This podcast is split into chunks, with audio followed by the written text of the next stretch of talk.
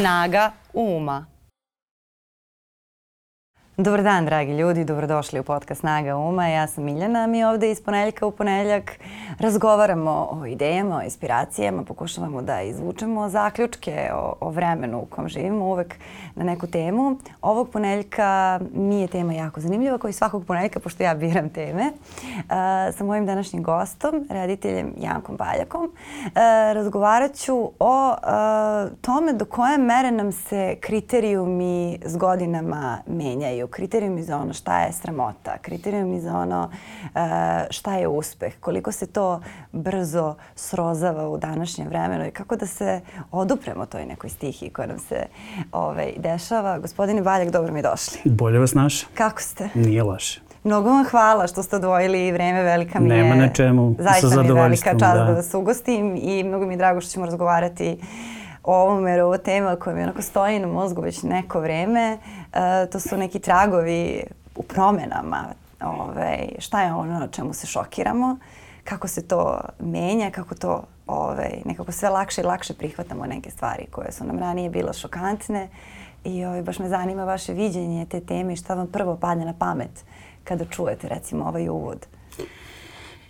Pa pada mi prvo na pamet kako se generalno poslednjih 10 godina ili možda i više, ajde možda i 15, 20, ajde čak godina, kako se sve ubrzalo. I mislim da to ubrzanje je donelo i neku i neki pad kriterijuma.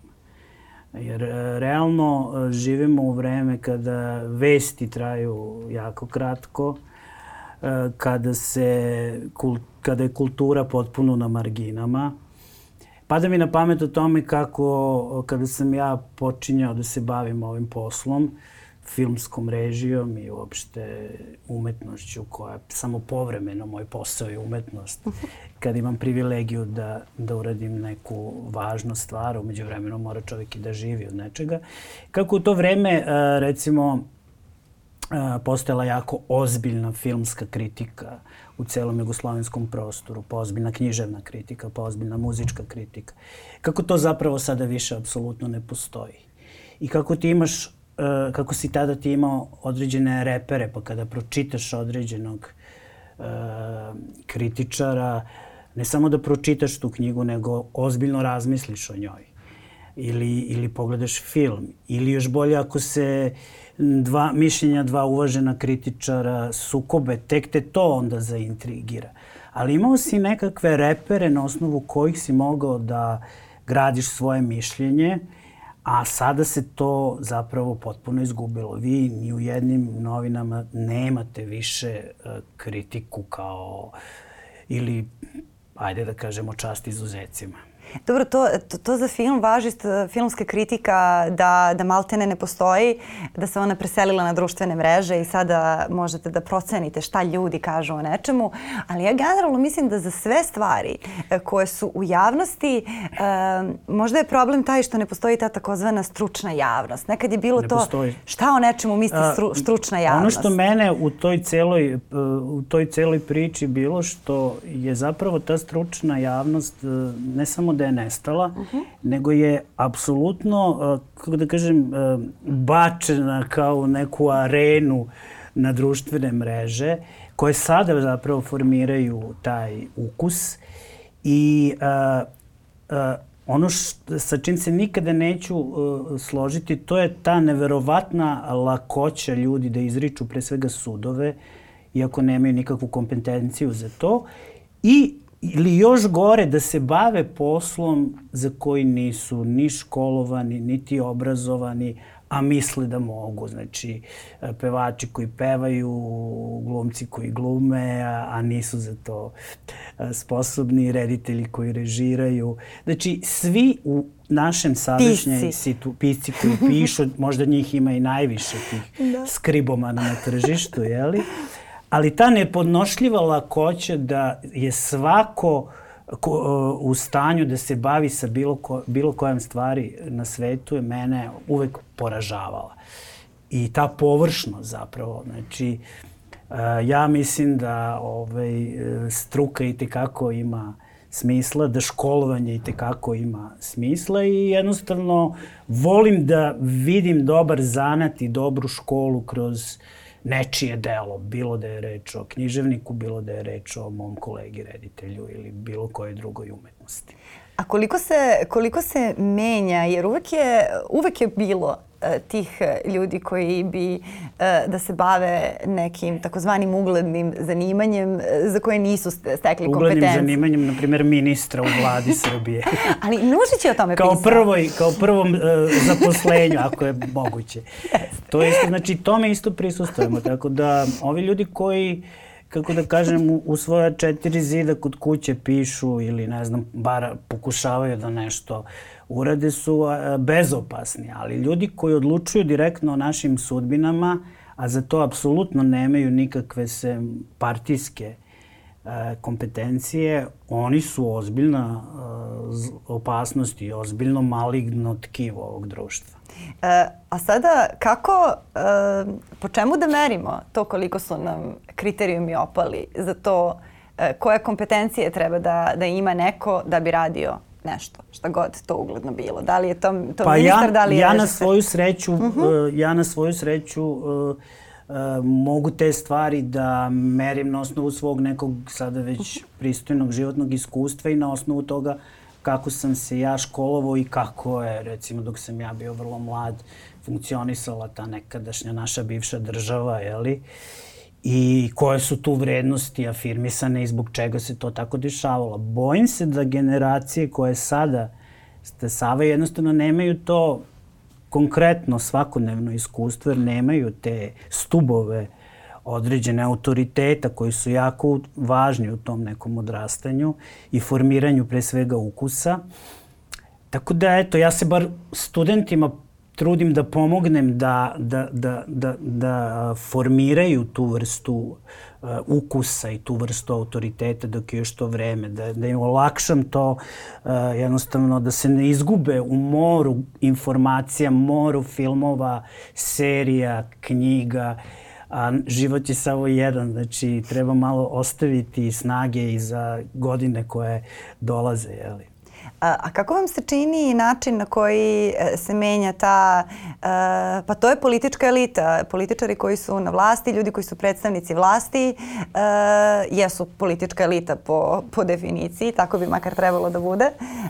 Koliko se tu kriterijumi menjaju i kako se ti profili menjaju? Mi smo malo pre, nego što je počeo ovaj razgovor, napravili paralelu sa ljudima koji su bili, na primjer, naši neistomišljenici pre 20-30 godina, koji su to bili obrazovni profili profili i kako su to ipak bili mišljenici, iako nisu mislili isto, ali su mislili. Kako to izgleda danas? Kako, kako, da li primećujete tu neku eroziju? Apsolutno, znači ta erozija se pre svega ogleda u, u, u, u neverovatnoj estradizaciji politike. To nije naravno a, specijalnost ove vlasti, to je nešto što je još u vreme prethodne vlasti krenulo da se formira kao važeća ukus, jer setimo se ministara koji su pevali, svirali, komponovali, družili se sa estradnim ličnostima, išli na njihove rođendane, svirke. To nije samo stvar našeg političkog establishmenta, vidim da je to opšte globalni trend, ali kako izgleda Boris Johnson i, E, kako izgledalo njegov mandat. Da. Znači, da. nismo mi to nešto sada po tome e, specijalisti, ali, ali ta estradizacija je zapravo dovela do toga da su sada neke scene iz srpskog parlamenta apsolutno nezamislive. Znači, nama je bilo 90-ih na početku više strane, če nezamislivo da Raka i Bidža izvesna dva da, da, da. Uh, ona, e, uh, egzotična poslanika SPS-a pevaju, jeli? Uh, u pauzama ili čak tokom sednice neke pesme, a sada nam oni deluju kao simpatični, dobronamerni poslanici SPS-a, kao u ostalom i ceo taj prvi parlament kojim je predsedavao uh, sećam se Slobodan Unković i jedan čovek sa kojim se duboko u ono vreme nisam slagao, ali čovek koji je imao uh, određeni kredibilitet da izađe pred studente, povede ceo parlament nakon 9. marta, onih noći na terazije, i to su bili potpuno ne neki e, drugačiji ljudi, jeli, ti poslanici uopšte, da, da. imali su drugačiju svest o tome uh, gde žive i koja je njihova misija u svakodnevnom svetu. A je li tu e, dominantna razlika u postojanju, odnosno nepostojanju osjećaja za sramotu?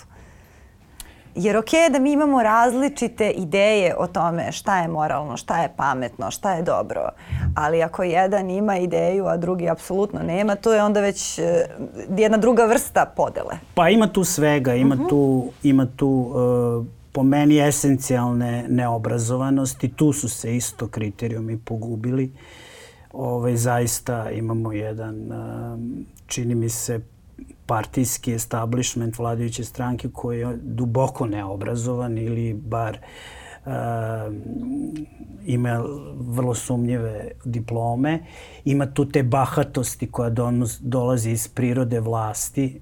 Sama vlast donosi određenu vrstu bahatosti, može mi se i, i tog nekog inata da se pokaže moć, da se pokaže da apsolutno nema nikakvih skrupula ni u čemu.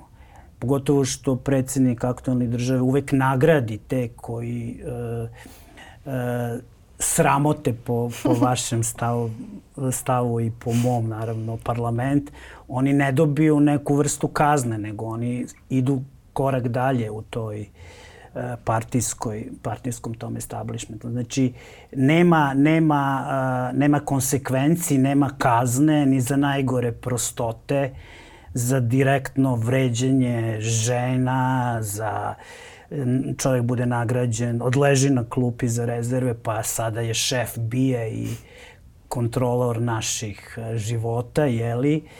Tako da o čemu dalje da raspravljamo ako takav jedan drastičan slučaj čoveka koji bi po mene trebalo da se oceli iz ove zemlje od sramote šta je napravio toj novinarki, ne da, ne da ga nije sramota, nego je nagrađen kao, kao bahati uh, mačo, muškarac Srbije, u Srbiji, eto, sada vodećom funkcijom u službi državne bezbednosti. Da, i on tu nije jedini i uvek takve priče imaju, e, imaju Mislim, govorimo epilog. o najdrastičnijim da, primerima. O, o njemu konkretno se tada govorilo i tada je bilo šokantno to što je nešto rekao, da bi sada novinarka Jelena Zorić ukazala kako postoje dokazi da se on u slučaju Jovanjica čuva sa Predragom Kuluvijom, pa da li je tu ili nije nešto što treba da se, da se istražuje, uvek ide korak dalje. Imali smo i slučaj sa gospodinom Babićem gde smo se šokirali činjenicom da je on izgovorio ono vazduplohov. Mislim da, da više niko u Srbiji ne izgovara,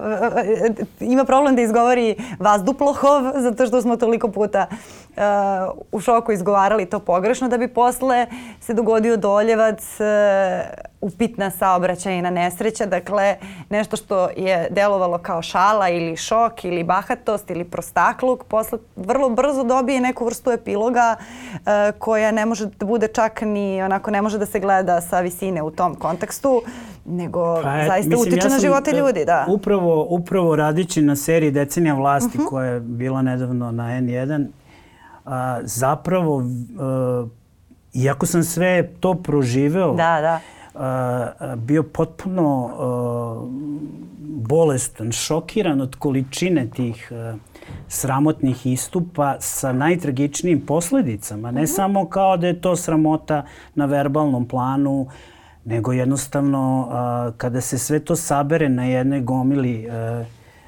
šta su ti ljudi činili i kako kako niko od njih nije snosio nikakve posledice u jednoj decenijskom periodu, uh, na toj gomili to delo je zaista zastrašujuće. Tako da mi je to iskustvo bilo onako baš, uh, ma koliko mi je teško bilo da, da se ponovo suočim sa, sa, sa, sa tom decenijom, prilično otrežnjujuće kada vidite na jednom mestu to, uh, kako to zapravo funkcioniše ovaj sistem. Jer vreme nas melje i mi se redko vraćamo, imamo to i u Srbiji jako tu kratku, to kratko pamćenje, bolujemo od tog kratkog pamćenja. I onda to kao jedno ubitačno podsjećanje ovako i meni lično ono potpuno razvalilo dok sam radio na toj seriji. Dobro, introspekcija i sagledavanje je jedan od važnijih koraka i u psihoterapiji. Taj, e, e, ovaj, taj serijal deluje kao, kao neka vrsta političke psihoterapije u tom smislu te neke stvari pa koje ne, smo potisnuli zato što nisu ljudi, dobile da. Ljudi koji su mi se javljali, recimo uh mhm. -huh. posle prve epizode, kaže, u pa potpuno si nas uništio. Pa, posle druge epizode kaže, pa šta nam to radiš, jedva stojimo na nogama. Kažem, čekajte, ide treća, ne, može. A četvrta, tek ona će da... Znači, bukvalno iz uh, epizode u epizodu ljudi su imali utisak zaista jedne, jedne, jedne muke u stomaku dok su to gledali. Neki nisu mogli ni da gledaju, ja potpuno razumem te ljudi koji, koji su jednostavno rekli zašto bi sad, kad sam već to proživeo jednom u svom životu, zašto bi sad morao to da... Ljudima, nekim, ljudima je jednostavno lakše da stvari zaboravljaju ili guraju po tepih i ne osvrću se, zapravo idu dalje nekako.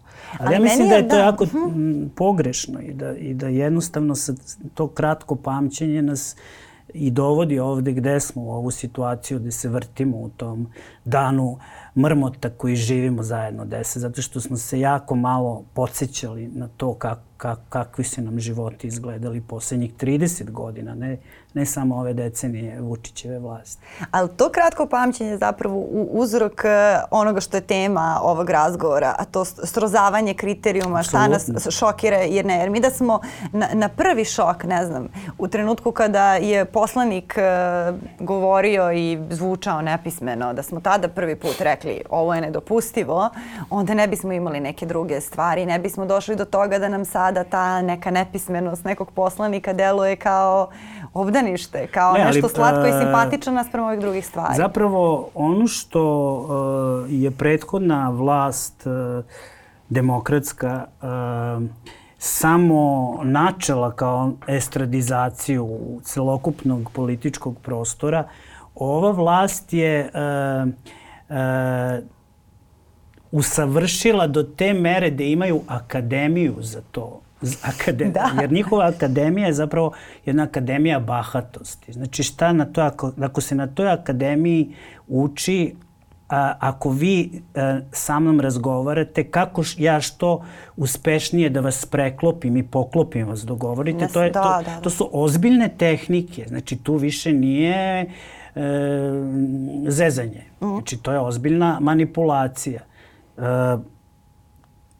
Prilog tome govori da, da niko od tih ljudi koji su osramotili ne samo sebe, već instituciju u kojoj su se nalazili, ne samo da nije doživeo kaznu, već je ovaj, uvek napredovao. I to je taj e, selekcija nepogrešiva Vučićeva. Znači, onaj ko se najviše izblamirao, budite sigurni, ako se kockate, položite pare na njega, on je sledeći ministar i sledeći premijer. Znači nema, nema, nema dalje. Da, i tu se uči kako da se, kako da se spinuje kad te uhvate. Uh, pošto, Evo, čovjek to... koji je držao znači, konferenciju sam sebi prazna, u praznoj sali, što smo mislili da je news i što smo svi spijali viceve, znači on je sada uh, predsednik uh, parlamenta. Znači, eto, o, o takvim stvarima govorimo, jeli? U kriznom PR-u postoji to, znate da se bavile kriznim PR-om, postoji to da uh, ovaj, svaka velika količina pažnje uh, uglavnom može da se preusmeri u sobstvenu mm. korist. E sad, naravno tu postoje neke granice i, kao i svako pravilo kada se previše zlupotrebljava, postoji ona Gebelsova pet puta ponovljena laž postaje istina, ali nije isto kada nešto kažete pet puta i kada kažete pet miliona puta. Posle nekog vremena postane besmisleno. Isto je i sa, isto je sa ovim kriznim PR-om. Dakle, ukoliko sada, ne znam, uh, izađe neka informacija o meni, uh, na primjer, eto, živela sam na ulici i sada neki tabloidi to protumače kao nešto, nešto loše. Ja sada imam mogućnost da ako imam dobro kriznog PR-a, to predstavim kao nešto dobro, kao svoj put, kao da se predstavim kao pobednica, kao neka koja je, na primjer, eto, uspela od ulice da da izađe iz tog grotla, što u suštini jeste samo druga strana iste istine. Nije, nije to neko pre, preterano lomljenje stvarnosti. A u ovom slučaju ja mislim da ono što rade oni u SNS akademiji, to je bukvalno poenta da kada te uhvate, to spinuješ. I to spinovanje postaje zaista sve brže i brže do te mere da je zaista svima muka. Da smo imali situaciju uh, pre mesec dana da su ženu uhvatili da nema master koja je rekla da ima i da ona to rešila da spinuje tako što će reći da je master po zanimanju. Mislim, to, to bi recimo eto već pre 3-4 godine ja mislim bilo nepojemljivo. To su neke stvari, baš onako, oni njih uče ono je, čega se pametan stidi, tim se uvijek ponosi. je da predsednica vlade mm -hmm. koja je u tehničkom mandatu bez ikakvog blama prekrši ustav i sedi u poslaničkoj klupi dok se ne ukaže na to. Znači, to je potpuno nepojmivo. Znači, ako prođe, prođe. da, da. Šta sad, da pravnici koji su ustali nisu na to reagovali, ona bi tu nastavila da sedi. Znači, probat ćemo. Ako nam prođe, prođe. I to, je, i to predsednica vlade. A šta je tek ostalo za, za, za druge na mnogo niže mesto u toj hjerarhiji? I to je da ono kao, pa bez dobro tona marihuane. Pa dobro ikako... tona marihuane, kao kako je sad jaka stvar tona marihuane. Ljudi, ove... koja, je, koja je u mnogim zemljama legalizovana. Znači uvijek ima to da, taj, ali kada taj, se... Da, I da. to, je, to je ono bukvalno... Uh, zašto bi se držali zakona kao pijen plota. Jeli? To je ono još iz Titovog vremena, ona cela priča. Meni to... Najbolje je što uvijek to Vučić us, fantastično uspe da ispinuje i on je zapravo, ja mislim, a, a, pravi akademik što se tiče te akademije. Znači, mislim da se njegove, njegovi ti a, a, preokreti koje je uspeo tokom svoje političke karijere ozbiljno izučavaju na toj SNS akademiji. To je PR salto, da. salto mortale, te stvari koje on radi, ali ti polaznici akademije ne, ne mogu baš da se pohvale da su Vučiću uh, propagandi. O, tako da njihovi spinovi nisu uvek baš tako uspešni kao, kao njegovi. A vidimo da neki njegovi, od tih vodećih da. nisu sada poslanici, uh -huh. tako da verovatno je bilo više štete nego koristi od, od, od istupa onog e, Langure ili kako se zvala onaj drugi što su na kineskom recitovali u parlamentu. Znači, neki se baš i ne provedu uh, najbolje. Postoji ta izreka u narodu čega se pametan stidi, tim se lud ponosi. E, I meni ona često ovaj, padne na pamet kada, kada vidim e, tako neke televizijske izjave, intervjue i slično. Još od one reklame sa sendvičima gde se čini kao da je postala neka vrsta PR agende e, koja je raširena među tim ljudima da sve one stvari e, zbog kojih su se možda njihovi ljudi stideli ili zbog kojih su ih drugi gledali sa visine, e, da sve to krenu da koriste kao nešto čime se ponose. I meni se sad čini da zaista sa tim masterom to možda pa metastaziralo. To je zato što smo mi upravo mm. živimo u reality prostoru, mm. i u, a u reality prostoru nisu bitne te a, bilo kakve moralne vrednosti. Znači, ne napredujete u toj seriji a, ako ste a, plemeniti, pametni, humani, dobri, ne znam kakvi, nego naprotiv, vi ste sebi zagarantovali sledeću sezonu učešća u realitiju ako ste prljavi, zli, pokvareni, nemoralni. Znači, tada to je siguran uspeh da ćete pobediti i biti u sledećem. Neki, neka fina uh, osoba nema šta da traži. Da, Esmeralda bi, bi ispala iz reality programa u roku od Tako da mi se čini da, da, da i ovaj narod mazohistički upravo kako bira ove pobednike razne realitija, bira upravo tu vlast. Ne po tome da li je to nešto što njemu ide u prilog, nego upravo, eto, kao nije bitno zapravo, o, bitna je samo popularnost, nije bitno kako se ta popularnost stiče, što bi rekli junaci iz mog e, e, poznatog filma Vidimo se u čitulji, mi se negativno dokazujemo i ono što mi za jedan dan proživimo, niko od vas običnih smrtnika ne proživi za ceo život. Znači, bitan je samo taj trenutak, trenutak dokazivanja I to je to. To je zapravo ta filozofija koja je ovaj, začeta još 90-ih zapravo godina, a eto mi sada živimo u, u jedno vreme gde je ona usavršena potpuno da mi živimo za, zapravo jedan veliki reality. E se vi uplašite kada vidite takve izjave? ja se plašim ne sad zbog toga što u parlamentu sedi neka žena koja sa jako dugačkim noktima pravi zavodljive izraze lica u selfie kameru i naziva sebe poslanicom, što je groteksno, ali opet ne utiče direktno na moj život na taj način, ali ne znam, gledam sada silne te neke vesti koje su najizgledne povezane, ali su povezane. To sad ljudi više ne veruju da se voze jatom do Tivta jer ne veruju da ta inspekcija koja treba da pregleda avione svoj posao radi. Da li inspekcija koja pregleda hranu zaista hranu pregleda kako treba. Imamo ovaj veliki broj ljudi koji se razboljevaju. Onda, ne znam, Da li ovi ljudi što buše, buše tamo gde smeju? Da li ti uh, stručnjaci za pomeranje tla uh, rade svoj posao ili su neki uh, partijski zapos, zaposleni ljudi koji nemaju pojma o tome da li će da se sruši nešto ili neće? Pa, Malte ne, se, hoće li mi pasti mislim, terasa? Kao, da li je neki arhitekta na, bio tu? Naši mm. opravdani strahovi da će nestručnost, bahatost, nekompetentnost, to sve to o čemu smo od početka razgovaramo, da će dovesti do neke havarije su se više puta obistine, jer se srušila zgrada na Vračaru, jeli? Zato što su od, od, od, od pohlepe. Ta zgrada je primer pohlepe investitorske, neznanja, nestručnosti, korupcije.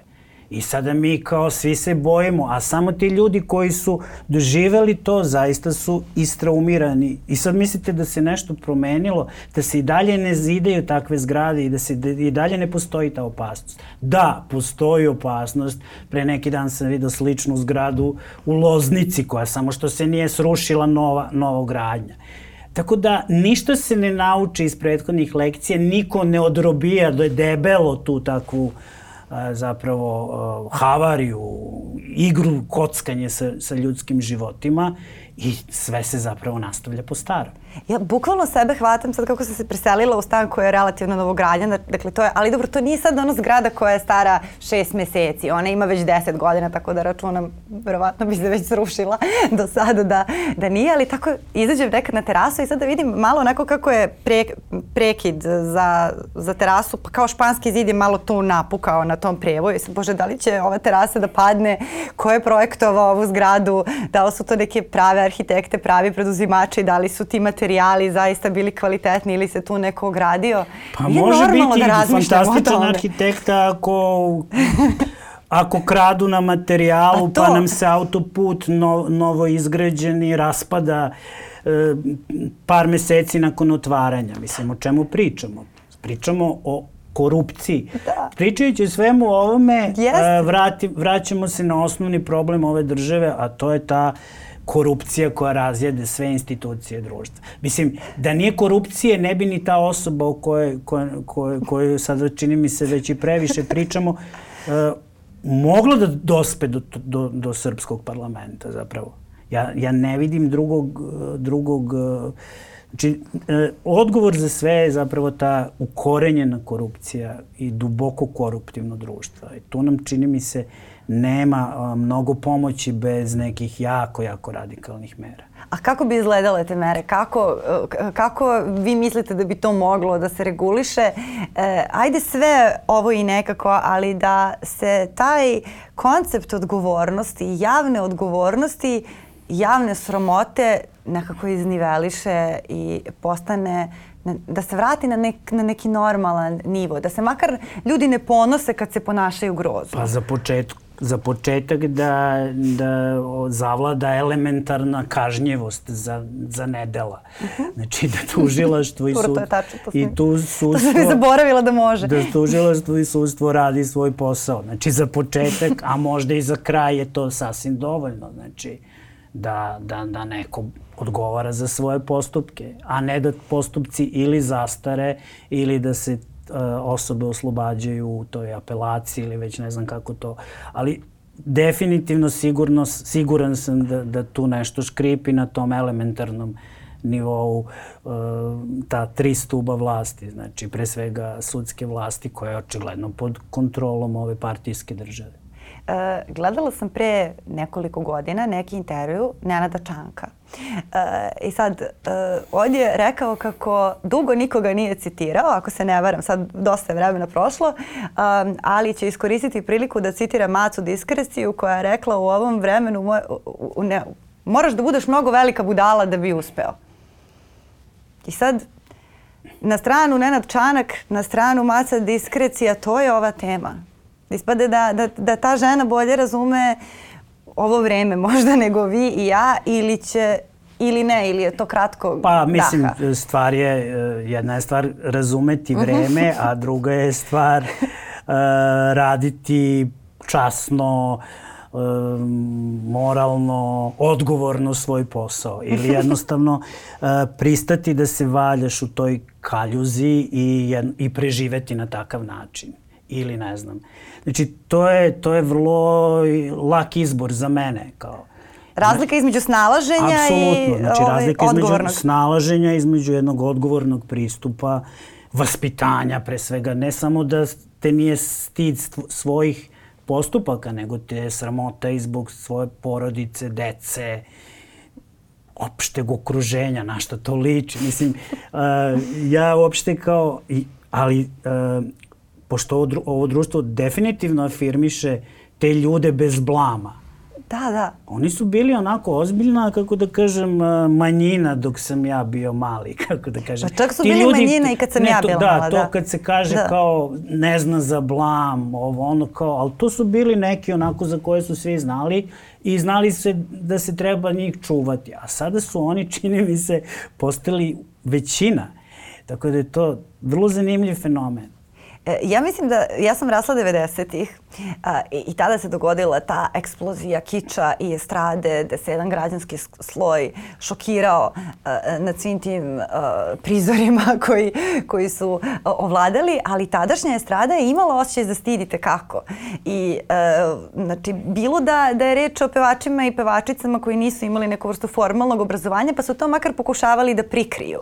Ne znam, koristeći neke reči koje su naučili. I oni su znali gde im je jednostavno gde im je mesto. Oni su znali, hvalili oni su znali gde im je mesto i oni su znali da su, da su, jednom, jedna, da su na jednom marginalna kulturna grupacija društva, uh -huh. da jako dobro žive zbog toga, ali nisu, zapravo nisu, nisu, nisu se uh, petljali u posao i, i, i, i ni na poslove, ni na u stvari kojima nisu imali pojma. Znači, o, o, opet ono o čemu pričamo, ta nepodnošljiva lakoća, recimo da je mene sad neko nazove kao što znam da, su, da je ova vlast imala običaj, naročito kad su došli tek pre deset godina na vlasti, i da mi kaže Janko je da li bi mogo od sutra da prihvatiš da budeš ministar građevine. Ja kažem, o da, naravno, dođem sutra na posao sa takvim stavom i autoritetom kao da sam celog života bio graditelj. Jeste. Znači, to su takvi ljudi. Bez blama prihvatiti takvo nešto je za mene nešto što se ne samo ovaj, raširilo, nego je postalo prava epidemija u prethodnoj deceniji. I što je najgore od svega, vi sada kada ste to rekli, ja bih se sigurno osjećala sigurnije kada izađem na moju terasu da je jedan Janko Baljak ministar građevine, iako nema pojma o građevini, ali nekako imam osjećaj da, da ne biste dozvolili da sada neko kaže pa ova bi mogla da, zgrada da padne ili ne bi smelo da se gradi ovde zato što je klizište i ljudi će izginuti iz ovog ili onog razloga sad da ovaj, ne ulazim u detalje struke koju ne poznajem, da prosto ne biste to dozvolili, da biste možda kada postavite časnog čoveka, on će naći način da se okruži onima koji znaju, da, da, da postavi e, kriterijume neke pravednosti i odgovornosti, e, jer to da li ćete primiti mito ili nećete, ne, to, ne tiče se toliko obrazovanja koliko nekog moder, moralnog opredelenja u stvari i onoga, onoga što, što treba. Ali nama je čak sada i to uh, daleka, uh, nekako delo je daleko i delo je nedostižno to vaše viđenje uh mhm. -huh. i, i naravno uopšte stav većine ljudi o politici i o političarima je nešto što je e, nekim časnim ljudima e, ogadilo bavljenje politikom. Znači, bukvalno, e, to su neke tačke koje je ova vlast jako dobro iskoristila da pokaže kako je to sve tako grozno, kako je to jedno nečasno zanimanje, kako tu I ljudi jednostavno beže, pogotovo mladi ljudi koji bi trebalo da se aktivno uključe, pogotovo ako žele da ostane u ovoj zemlji, da daju neki svoj doprinos ovom društvu, oni na osnovu svega u čemu mi živimo kažu pa ja zapravo neću da se valjam u tom estradno-političkom blatu, ja ne mogu time da, da se bavim. I ljudi zbog toga odlaze iz zemlje i odlaze ne samo iz naše zemlje, to, to važi i za ceo region, čak i za Hrvatsku i zemlje Evro, koje su u Evropskoj uniji.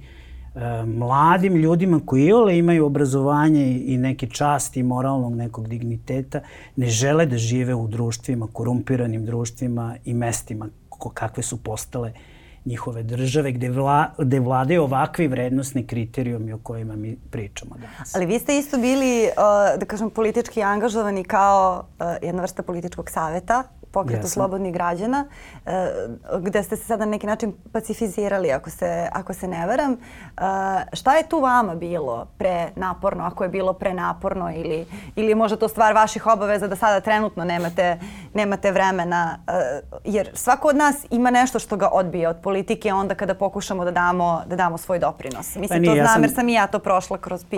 Mi smo zaista, mhm. -huh. ovaj, ja, sam, ja sam u tom nekom vrtlogu već tri decenije, mogu da kažem, u nekom tom uh, ja mislim da cela ova moja generacija, malo mlađi i stariji, mi smo ono, uh, ljudi koji smo proveli sate i nedelje na ulicama, jeli, znači, uh, i kada vidiš da je i dalje dan mrmota, nekako kažeš, ok, ajde malo sklonit ću se ili neću se skloniti iz direktne politike, ali hoću da kažem, uh, imamo jedan život i negde kažemo pa ne mogu da pretvorim baš sebe u osobu koja je potpuno opterećena SNS-om, Vučićem, ima toliko još uvek dobrih knjiga koje nisam pročitao, ali fantastičnih filmova koje nisam pogledao, nekih filmova i serija koji sam želim da napravim.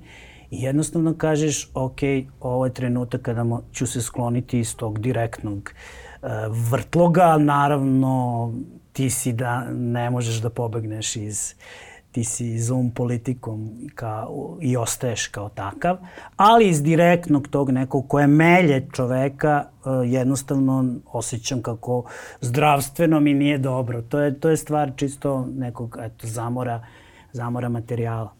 A kako e, danas čuvate taj osjećaj e, ličnog zadovoljstva u tom vremenu? Zato što svi, svi smo mi e, neminovno osuđeni na to da se poredimo sa drugima, dostignuća i slične stvari. Sociološka smo bića, isto kao što smo i politi politička.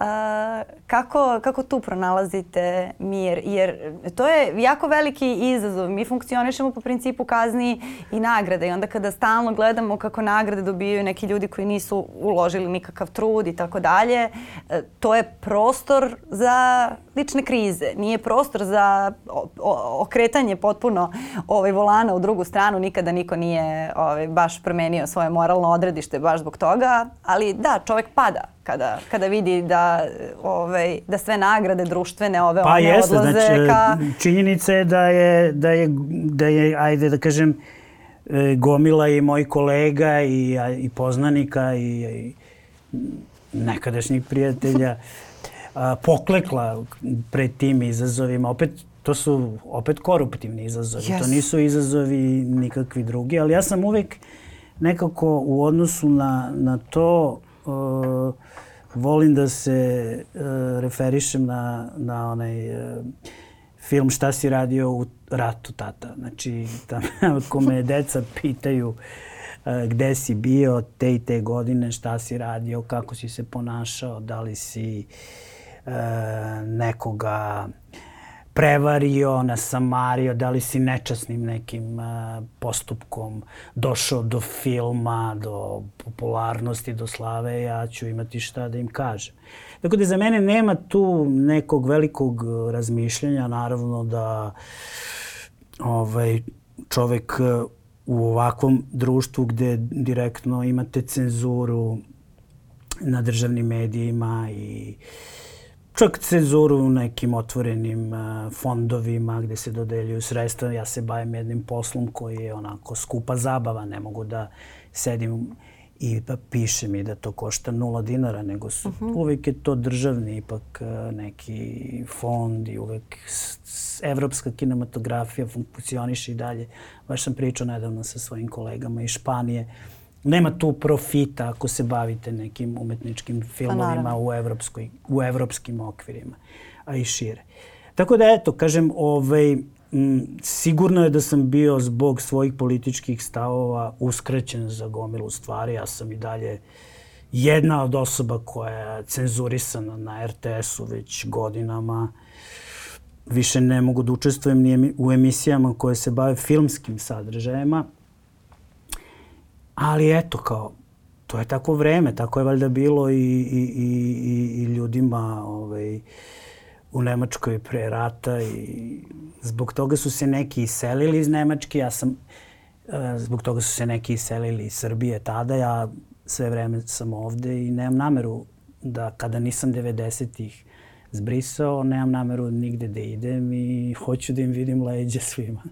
Jedan ozbiljan spin uh, koji se često koristi kad god uh, takozvani filmski radnici progovore, bilo da su glumci, reditelji, da? scenaristi uh, ili generalno ljudi filma, uh, jeste to država mu je dala pare za film, A on tako, da. kao da sada time što neki fond uh, finansira određeni da. umetnički projekat, to automatski treba da znači da vi postajete portparol partije. Pa, to, to je maltene to.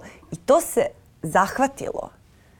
To neki ljudi su već počeli maltene tako da razmišljaju, kao da je država partija Jeste. i to je to. A to su baš onako... Mi nismo imali uh, e, 50 godina državne reditelje, a sada ih imamo. Znači, u toj podeli velikih sredstava e, i te neke sume, znači, prolaze uglavnom te patriotske teme koje su u direktnoj službi propagandnoj ovog režima. Ne kažem da su to nepotrebni filmovi, ni da je bilo koja tema nije legitimna, ali jednostavno, znači, mi nismo 50 godina od Bulajića, koji je sinonim tog nekog državnog jeli, reditelja, imali državne reditelje, a sada ih imamo. Jeli? Zna se da oni mimo, mimo raznih uh, fondova do, dobijaju, imaju prednosti. To je to. Ovaj, a slažem se sa vama da uh, čak i uh, kada nije u pitanju direktna, direktan novac kao problem, postoji ta autocenzura je koja je pogubna zapravo, koja je za umetnost svaku pogubna i tu je čak i ova jednopartijska Titova vlast u kojoj sada imamo raznorazna ovakva ili onakva mišljenja bila mnogo, kako da kažem, um, tolerantnija u odnosu na umetnike, pa čak i na taj crni talas i na uh, Žilnika, Žiku Pavlovića o kojima se sada ja... Ti to ima ukusa. Ne, ne ukus, ne govorim o ukusu. Pa ima je, pa dobro, to sve ide jedno s drugim nekako. E, govorim o tome da je on znao da jedan Žilnik, jedan Žika Pavlović neće srušiti njegov režim. Da, da. I da je on umeo da kaže kao što je Milošević umeo da kaže Holbruku, pa evo kao Koraksove Koraksove uh, karikature, pa zar je ovo neslobodna država.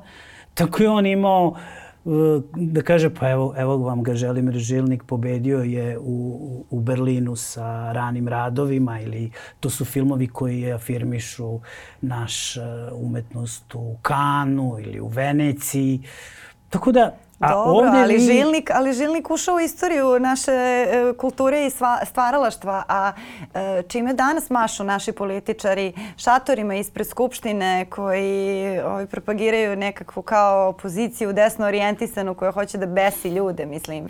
Sad svako ko, ko živi u Beogradu, bar jednom je u poslednjih 10 meseci prošao pored Skupštine pa ja i video skalameriju. Ja živim na 100, neki... 100 metara odande i vrlo često se zapitam šta bi se desilo da sam ja sa grupicom svojih istomišljenika raširio tamo šator, da li bi ja 10 minuta kampovao ispred Skupštine, a kamoli godinu dana koliko to već traje, da. jeli? Uh mhm. -huh. Znači, o čemu pričamo. Da, to samo za ljude koji nisu upućeni, e, dakle, ispred Skupštine Srbije skoro godinu dana e, su prvo bili, pa bukvalno kao ulog, ka, kao, kao da je napravljen neka vrsta malog logora, dakle, tu su šatori, transparenti, sve oni stoje i noć i dan, njih komunalna policija ne sklanja. E, jedno vreme su govorili na razglasu 9 do 9, da, pevaju, i da. pevali su.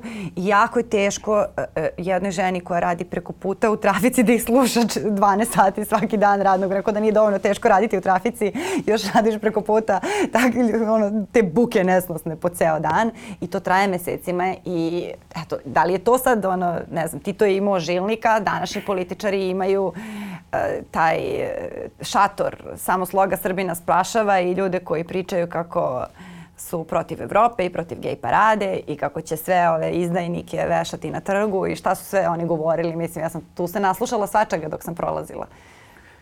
Pa, apsolutno, on ima i levu i desnu opoziciju Vučić, jeli, i to je, i, ima svoju opoziciju uh mhm. -huh. i svoje omiljene po potrebi opozicionare i on je to zaista onako e, dosta pomno izučio od Titovog vremena pa preko Miloševića i pogotovo izučio da ne ponavlja njihove greške koje su u određenim periodima te državnike koštale vlasti. Jeli? Tako da to manipulacijom jako dobro igra. Koliko će dugo balansirati, vidjet ćemo. Ja ne verujem da ćeš moći predugo, ali e, više puta smo se prevarili u procenama. To je jedna, to je jedna igra iznurivanja koja traje, traje već godinama i decenijama. I sad kako privodimo ovu kafu kraju, a, možda ne bi bilo loše da završimo nekom vrstom saveta za preživljavanje te igre iznurivanja, jer mi jedan život imamo.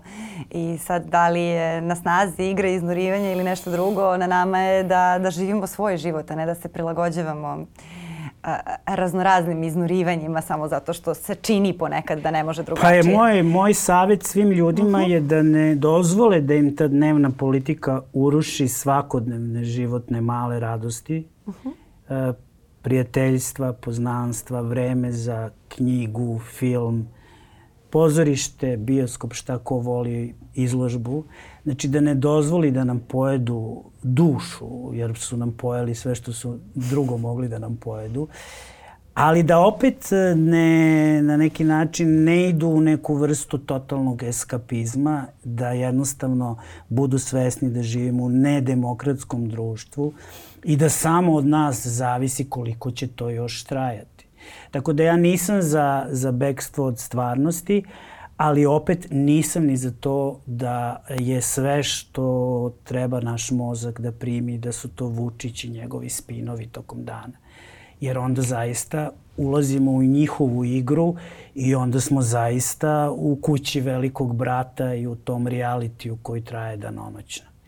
To je jedna opasnost u koju, koju nas uvlače i iz koje treba da se čuvamo i treba da se sklanjamo. Jedan od lekova uh, je kvalitetan razgovor sa, uh, sa dobrim i pametnim ljudima koji imaju šta da kažu. Zbog toga sam ja toliko srećna osoba što iz ponedjeljka u ponedjeljak imam priliku da ugostim ove ljude sa kojima zaista mogu da, da vodim ovako kvalitetan razgovor. Ja se nadam da je vama bilo prijetno kod jeste, mene. Jeste, Mnogo mi je drago što sam vas ugostila konačno. Hvala, hvala i vama. Ove, I nadam se da se, da se vidimo ponovo. Uh, ove, a hvala i vama na vremenu i pažnji. Nadam se ove, da ste čuli uh, gospodina Baljaka koji je danas sa mnom ovde razgovarao. Uh, mnogo toga smo rekli. Nadam se da ste dobili neke ideje. Nadam se da ste dobili ideje o tom o čemu biste možda mogli da razgovarate sa zanimljivim ljudima iz svog okruženja, jer jeste da živimo u vremenu e, dopisivanja, u vremenu tih nekih kraćih komunikacija, ali ništa nije lekovito kao umetnost i ništa nije lekovito